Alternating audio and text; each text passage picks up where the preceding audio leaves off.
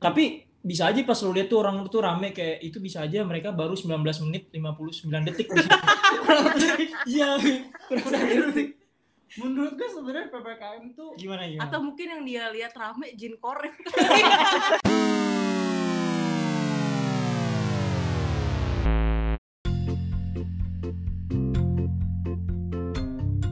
Selamat datang di Empot Empot Empotan.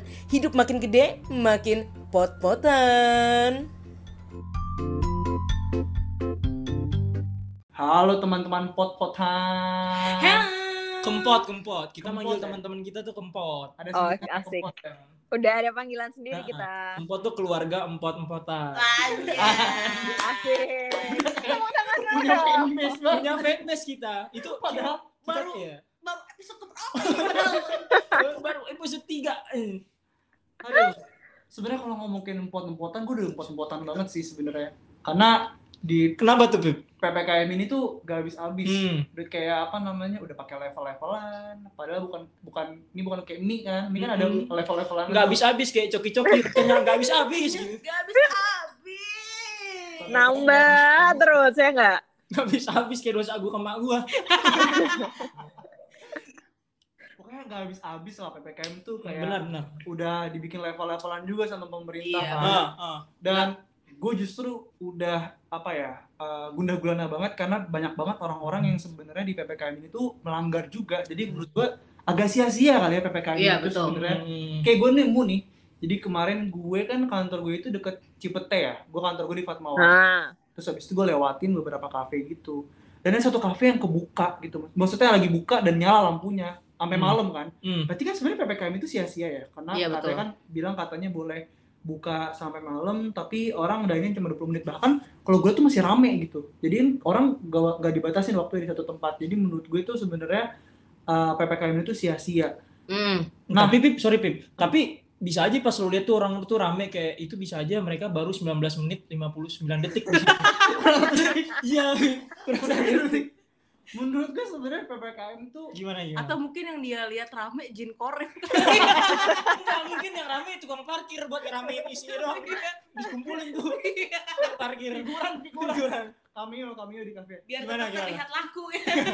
Itu kan di Jakarta ya. Nah, ah, kita gimana? ngomongin di Jakarta gitu kan. Karena kan sebenarnya kita tinggal di Jakarta apa namanya PPKM yang tuh agak paling ketat sia-sia. di Jakarta kan PPKM. Nah iya, Ah, ah, ah. agak sia-sia kan sebenarnya. Tapi ya memang sebenarnya dari PPKM ini tuh katanya Hmm. menurut data dari pemerintah tuh jumlah orang yang COVID sembuh dan masuk ke apa namanya masuk ke tempat uh, kayak RS apa rumah sakit atlet apa namanya Wisma Atlet. Wisma Atlet Ah. itu berkurang katanya dengan ada PPKM ini. Nah itu di Jakarta. Teman kita nih Farah lagi di Bali. Hmm, lagi di Bali. Udah. Terus.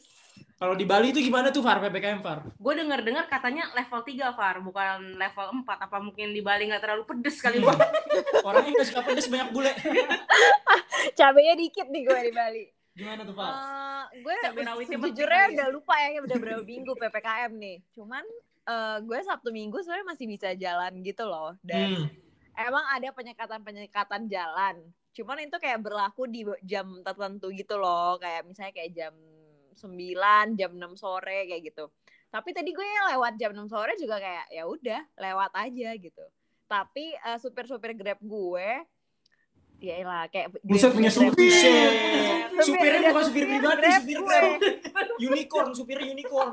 supir Grab, supir itu, supir Ya. online Mhm. eh dia ngomong sih dia diperiksain kayak diminta eh, surat vaksinnya. Karena kan sebenarnya di Bali mostly udah vaksin semua kan. Hmm, hmm.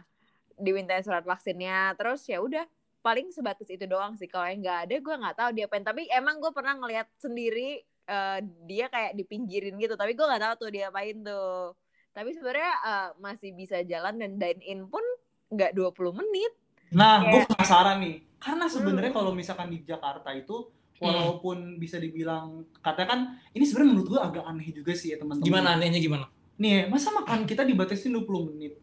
Kan Ini kayak masa ada yang naik timerinnya nggak sih Aneh gak sih lu? Aduh, lu makan 20 menit. Misalnya kalau lu makan uh, udah 19 19 menit 59 detik, lu masih ngunyah satu suap tempe nih. Lu masih ada satu setengah tempe. Terus lu lewat, oke kamu masuk pressure test gitu. Kamu pindah ke warteg lain gitu. Mana mungkin ya kayak aneh kan aneh gitu orang makan aneh 20 menit. Menurut gue yang sebenarnya- awalnya di karisma bahari jadi ke karisma cinta karisma tuh bukan ini ya apa namanya temennya Gramedia zaman dulu karisma atau nggak sih lo di mall-mall tempat buku Gue nggak tahu tahu, ya gue tahu, gue tahu. motor Gue enggak tahu. Gue taunya penyanyi dangdut karisma. Iya. lo tahu kan Pak? Karisma. zaman dulu tuh kalau misalkan Gramedia tuh sama karisma setahu gue saingan ya nggak sih Iya, iya benar benar benar. Gue tahu, gue tahu. Iya kan? Nah, ngomongin soal dine in di Jakarta yang 20 menit, kalau di Bali tuh sebenarnya kalau misalkan dine in 20 menit tuh teratur nggak sih, Far, kalau di Bali? Kemarin kan gue sempet ke tempat ngopi lah gitu kan. Terus awalnya emang dibilangin kayak eh, 20 menit ya mas batasnya gitu. Terus saya kayak dia baru pulang kayak dua jam kemudian gitu. Dan di tempat yang sama. Jadi kayaknya dine in 20 menit nggak ngaruh ya kalau di Bali. Kalau Sabrin deh, Brin. Kalau Sabrin deh, Brin kan gue liat lo demen makan nih, Brin. Ya. Iya. teman Demen makan. dine in. Menurut lo 20 menit itu cukup gak, Brin? Iya. cukup harus bawa blender bawa blender makanannya gue jus Uh, si Skapo lo. Nasi padang di blender, es, es, es gue nasi bikin es padang. krim gue bikin es krim Gua bikin es Eh tapi by the way gue nggak tahu kalau di tempat lain ya. Mungkin itu di tempat kopi itu aja. Jadi Iya, gue sama kayak Hmm, tadi gue bilang yang di deket Cipete itu kan gue nemuin tuh Ah. satu kafe yang masih nyala redup entah itu siapa entah itu Hmm, cameo kan hmm, isinya gue nggak hmm, tahu nih buat rame-ramein kan tapi sebenarnya kebijakan ppkm selain itu sebenarnya ada lagi gua ini kan sebenarnya salah satu pekerja di bidang media ya which is itu sebenarnya dan gue juga mu- muklis pun kalau muklis lu di rumah mulu ya Hmm. WFA kan tapi kalau Hmm. misalkan gue itu kebagian untuk eh, kantor juga seminggu itu dua kali nah menurut gue sebenarnya dengan kebijakan ini tuh kadang juga agak apa ya bisa dibilang ambigu lah ya karena menurut gue kalau misalkan untuk eh, perusahaan yang apa namanya menurut gue semua perusahaan itu se- sebenarnya sama ini menurut pandangan gue ya Hmm. gimana gimana? karena menurut gue semua segala perusahaan semua perusahaan itu sebenarnya sama apa namanya fokusnya ingin tetap survive kan tapi Hmm. menurut gue sebenarnya dengan cara menentukan cuma beberapa jenis perusahaan atau beberapa sektor yang masuk menurut gue itu agak aneh. Oh, yang esensial sama non esensial itu ya? iya karena menurut gue kalau misalkan esensial pun sebenarnya juga kadang agak sia-sia juga nggak sih? Lu udah capek-capek datang tapi ujung-ujungnya lu kan bisa dibahas secara online. Jadi agak Iya, bingung iya, kan. kayak misalkan non esensial justru yang penting-penting yang masuk kantor malah nggak masuk kantor gitu kan. Jadi orang kadang kayak menurut gue tuh agak ambigu. Nah menurut lo Brin kan lu juga sebenarnya menjadi sektor yang bisa dibilang esensial dan harus masuk. Menurut lu melihat ini yang membedakan ada sektor esensial dan sektor esensial menurut lu gimana Brin? Eh, kalau menurut gue karena gue bi- eh, kerja di bidang digital gitu ya sebenarnya mostly kerjaan gue itu bisa di handle secara online. Cuma untuk beberapa case kayak misalnya harus syuting photoshoot nggak mungkin dong kita eh, dulu tuh kita sempat apa sih yang tren fotografi tuh yang lewat online ya? kamera Eh, Ah iya nggak- iya tuh. nggak mungkin kayak gitu kan mau nggak mau kan kita harus live Masuk, gitu ya. jadi kalau menurut gue emang agak gak masuk akal sih karena beberapa kali gue juga denger kalau proses syuting di kantor gue ini cukup terganggu karena adanya kebijakan PPKM ini. Tapi ini out of topic ya, tapi masih relate to apa namanya PPKM. Hmm.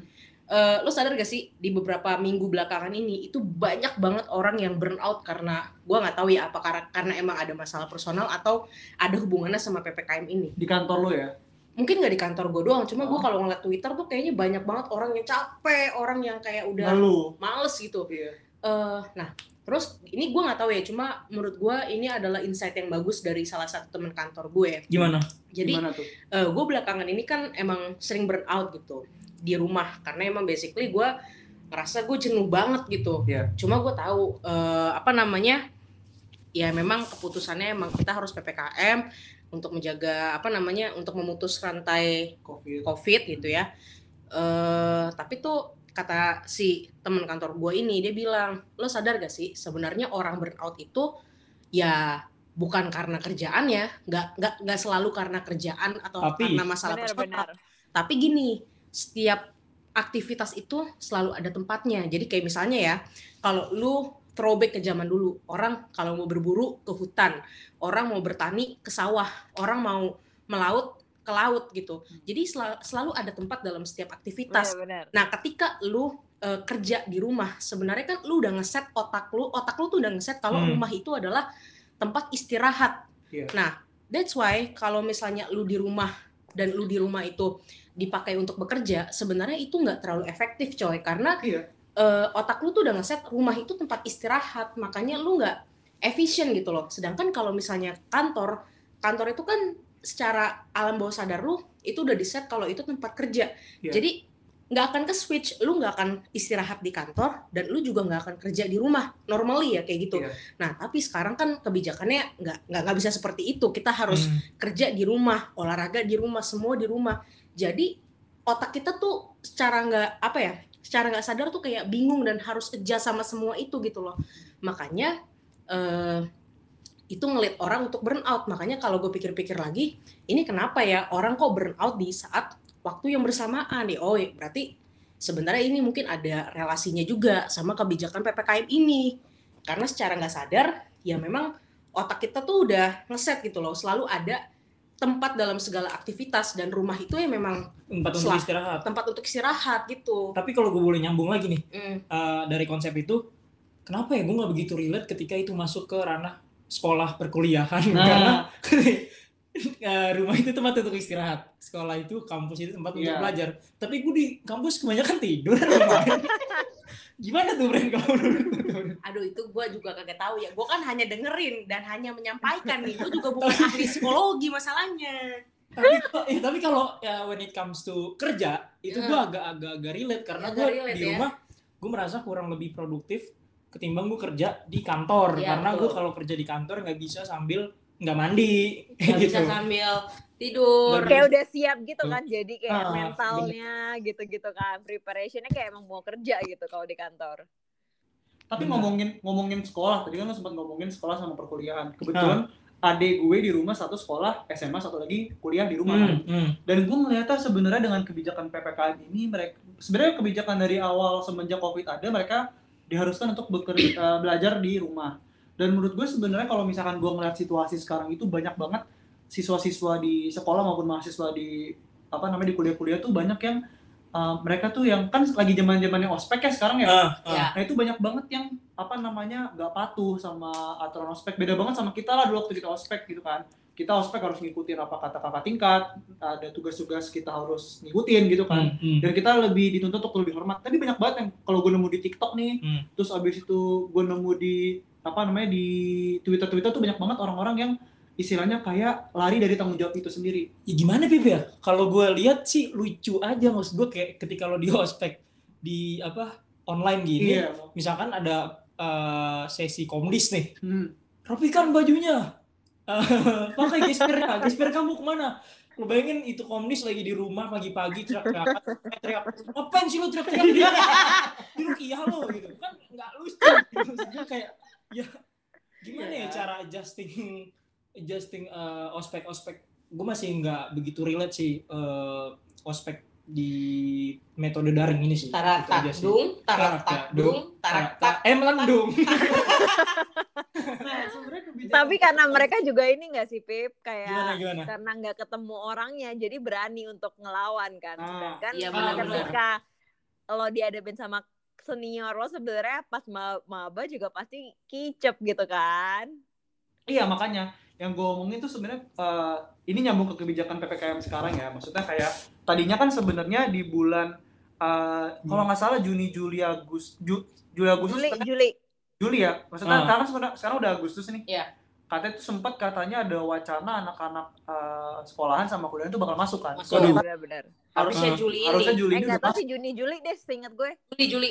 Setahu gue sih ya pokoknya Juni Juli Agustus lah ya. Hmm. Anggap aja seperti itu. Hmm. kayak gue ngeliat tuh sebenarnya dengan kebijakan ppkm ini tuh adik dan adik di samping itu sebenarnya adik adik gue itu bisa lebih produktif di hal lain gitu Kayak Contohnya misalkan- apa? contohnya kayak misalkan adik gue ini eh, apa namanya yang SMA bisa ngembangin passion dia di menulis gitu Hmm. karena tapi kan itu di luar akademik kan Hmm. Iya. Hahaha. sebenarnya ada keuntungan lah sebenarnya dengan ada ppkm Iya sih, pasti ada pro kontra Pro kan kontra, kalau iya, kebijakan dari pemerintah gitu kan.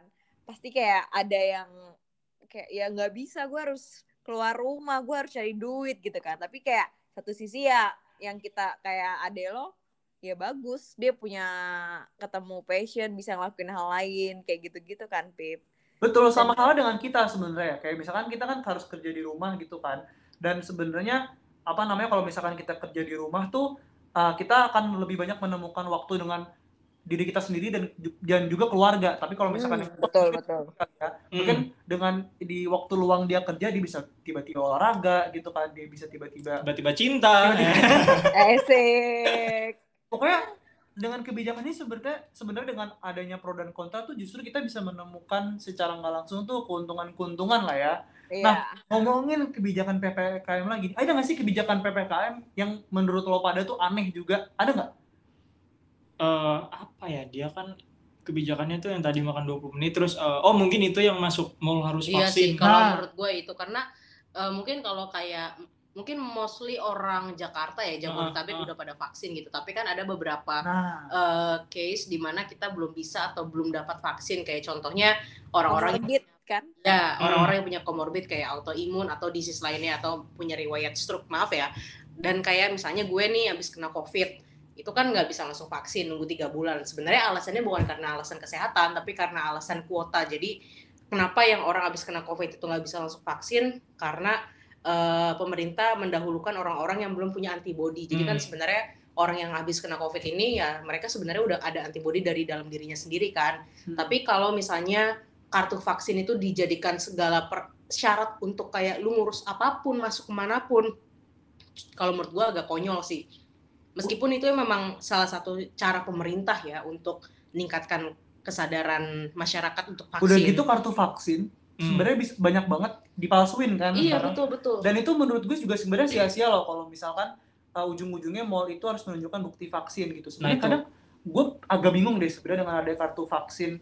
Kalau Bahkan ya. ujung-ujungnya orang memalsukan kartu nah vaksin. kalau dari gue lihat sebenarnya eh, gue nggak bisa nyalain pemerintah ya tapi Iya. Iya. kebijakan itu membuat suatu stereotip akan eh, kartu vaksin itu suatu apa ya suatu Kewajiban. Eh, lebih ke eh, apa ya privi- eh, privilege lu untuk Privilege, ngelakuin hal betul. eh, eh, Yes, melakukan yes, betul, suatu aktivitas yang pada saat covid ini dibilang eh, apa ya eh, spesial lah aktivitas yang spesial lo bisa masuk mall lo bisa aktivitas misalkan lo bisa ke gym segala Kantor, macam ya. Nah, kalau misalnya yang ya. kendaraan ya gitu dia orang bakal eh, bakal ngambil bakal apa ya ngambil si ngambil cara supaya dapat privilege itu dengan ya itu salah Iya, satunya apa pun malsuin vaksin ya kalau misalnya Iya. nggak dapat vaksin ya berarti ya mau nggak mau padahal Mau mau, padahal ya. kalau gue lihat dari sisi baiknya si pemerintah itu mau eh, mau apa ya mau ngesentral Ningkatin tingkat Iya. vaksinnya, ningkatin biar Benar. lebih cepat ke herd immunity-nya kan. Ya, Benar, udah gitu benar. kalau mau ngomongin secara nasional juga distribusi vaksin ini nggak rata gitu. Kayak mostly orang tuh yang udah divaksin tuh ya di sekitaran Jabodetabek aja. Gue nggak tahu ya kalau di wilayah lain. Cuma mungkin kalau di desa-desa, gue ngelihat itu kayak persentase persentasenya tuh nggak se Nggak rata. iya, maksudnya nggak se apa namanya nggak nggak segetol yang ada di Hmm. Jabodetabek gitu. Kalau sekarang kan lu nyari vaksin di mana pun pasti ada gitu ya. Cuma kalau di sana nggak seperti itu gitu. Seharusnya itu juga jadi concern pemerintah kalau eh, untuk sebelum bikin kebijakan ya ini dampaknya kayak gimana gitu. Dan itu kalau dijadiin prasyarat untuk lo bikin apa pun ya sebenarnya jatuhnya nggak fair untuk orang-orang Nah. yang punya special case kayak Betul. autoimun segala macam ya. ngomong-ngomong concern pemerintah ke daerah gitu-gitu eh, lu nonton lu lihat berita atau nonton berita nggak sih yang eh, orang daerah dikasih beras isinya itu onde-onde eh bukan onde-onde sih kayak beras tapi batu yang bulat-bulat gitu loh kalau lu nonton nggak sih lu lihat nggak sih beritanya Iya, kenapa? itu itu eh, pemerintah ngasih eh, bansos Hah? Oh, beras gitu berkarung-karung isinya tuh kayak beras udah bentuk Nasi akik. gumpalan Nasi enggak akik. lebih berbentuk gumpalan kayak beras nggak layak dimakan jatuhnya tuh kelihatannya kayak onde-onde kayak batu itu beras kayak maksud gue kayak ngumpul gitu loh. Iya ah, kan? ya benar itu nggak layak dimakan men jadi menurut gue Istilahnya tuh kayak pemerintah mau berkontribusi buat orang-orang yang sekiranya nggak bisa bekerja tapi ujung-ujungnya sia-sia kan. hmm, Makanya gitu. Nah tapi sebenarnya kalau misalkan kita kan tinggal di Jakarta ya. Kalau misalkan Farah kan sekarang udah beberapa bulan, hampir Ah, setahun tuh ah. tinggal di Bali. Menurut lo ada nggak sih Far kayak kebijakan eh, apa namanya PPKM di Bali itu yang menurut lo juga unik? Mungkin kalau di Bali gue nggak tahu nih. Mungkin anak-anak udah pada sekolah, eh, Hmm. udah sekolah langsung. mungkin kalau Nah, mau surfing kalau- boleh pakai masker juga iya, gitu kan, gua nggak ada yang tahu kan kalau di Bali gimana. Nah menurut lo di Bali gimana Far? sekali Gue sih sebenarnya selama ini kayak masih normal-normal aja. Dine in doang tuh yang 20 menit tapi kayak bisa sebenarnya bisa kayak nego gitu kan. Terus habis Gak cuma gaji doang nggak bisa nego ya? Iya, 20 menitnya juga kayak ngemis-ngemis dikit kayak bentar lagi ya, bentar lagi ya bisa gitu kan.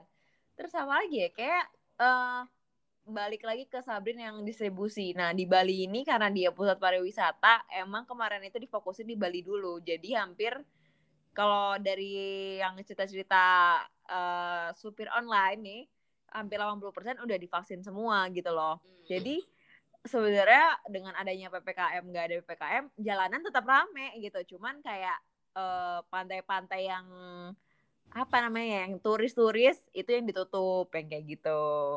Tapi pantai yang pan, eh, yang kayak jarang orang datang bisa didatengin. Nah, kayak gitu-gitu sih itu aneh menurut gue kayak nggak rata kan jadinya.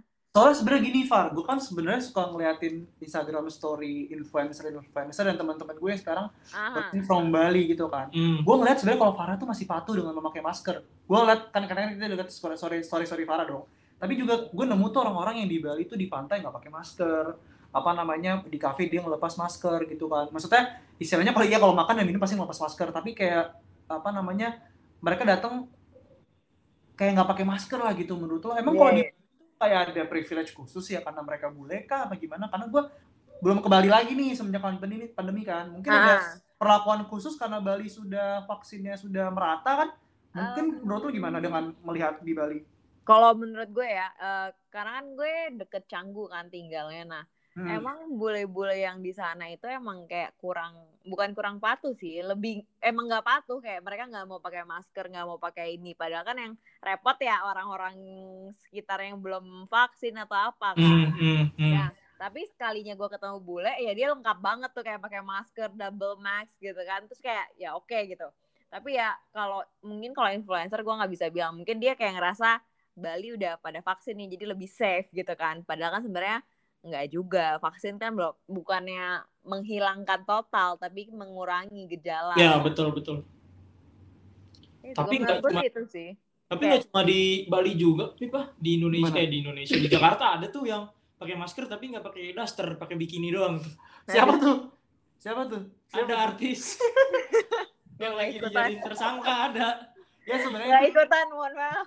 sebenarnya dia juga mungkin stres kali ya karena Nah iya di- dia stres karena ppkm Karena diprotes. PPKM. Dia nazarnya kita gitu nggak deh. usah kita nggak usah disebutin nama kali ya mungkin kalau kalau ppkm diperpanjang, gue mau pakai bikini di tengah jalan. Eh diproses jadi tersangka.